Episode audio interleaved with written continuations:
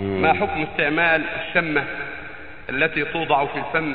نرجو إرسال الفتوى إلى مساجد المنطقة الجنوبية جيزان لأنها منتشرة في هذه المنطقة والرجاء لفت نظر المسؤولين لأنها تباع في أسواق تلك المنطقة أمام الناس وجزاكم الله خيرا بسم الله الرحمن الرحيم. الحمد لله وصلى الله وسلم على رسول الله وعلى آله وأصحابه ومن اهتدى بهداه أما بعد فإن جميع أجناس التدخين كلها محرمة وكلها خبيثة وكلها ضارة شمة أو غير شمة.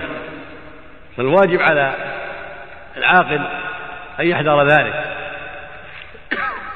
فقد اجتمع في هذا البلاء الضرر الديني والبدني والمالي فهو من الخبائث المحرمة وهو مع ذلك ضار ببدن الإنسان وصحته وضار بماله واقتصاده وضار بدينه لخبثه وتحريمه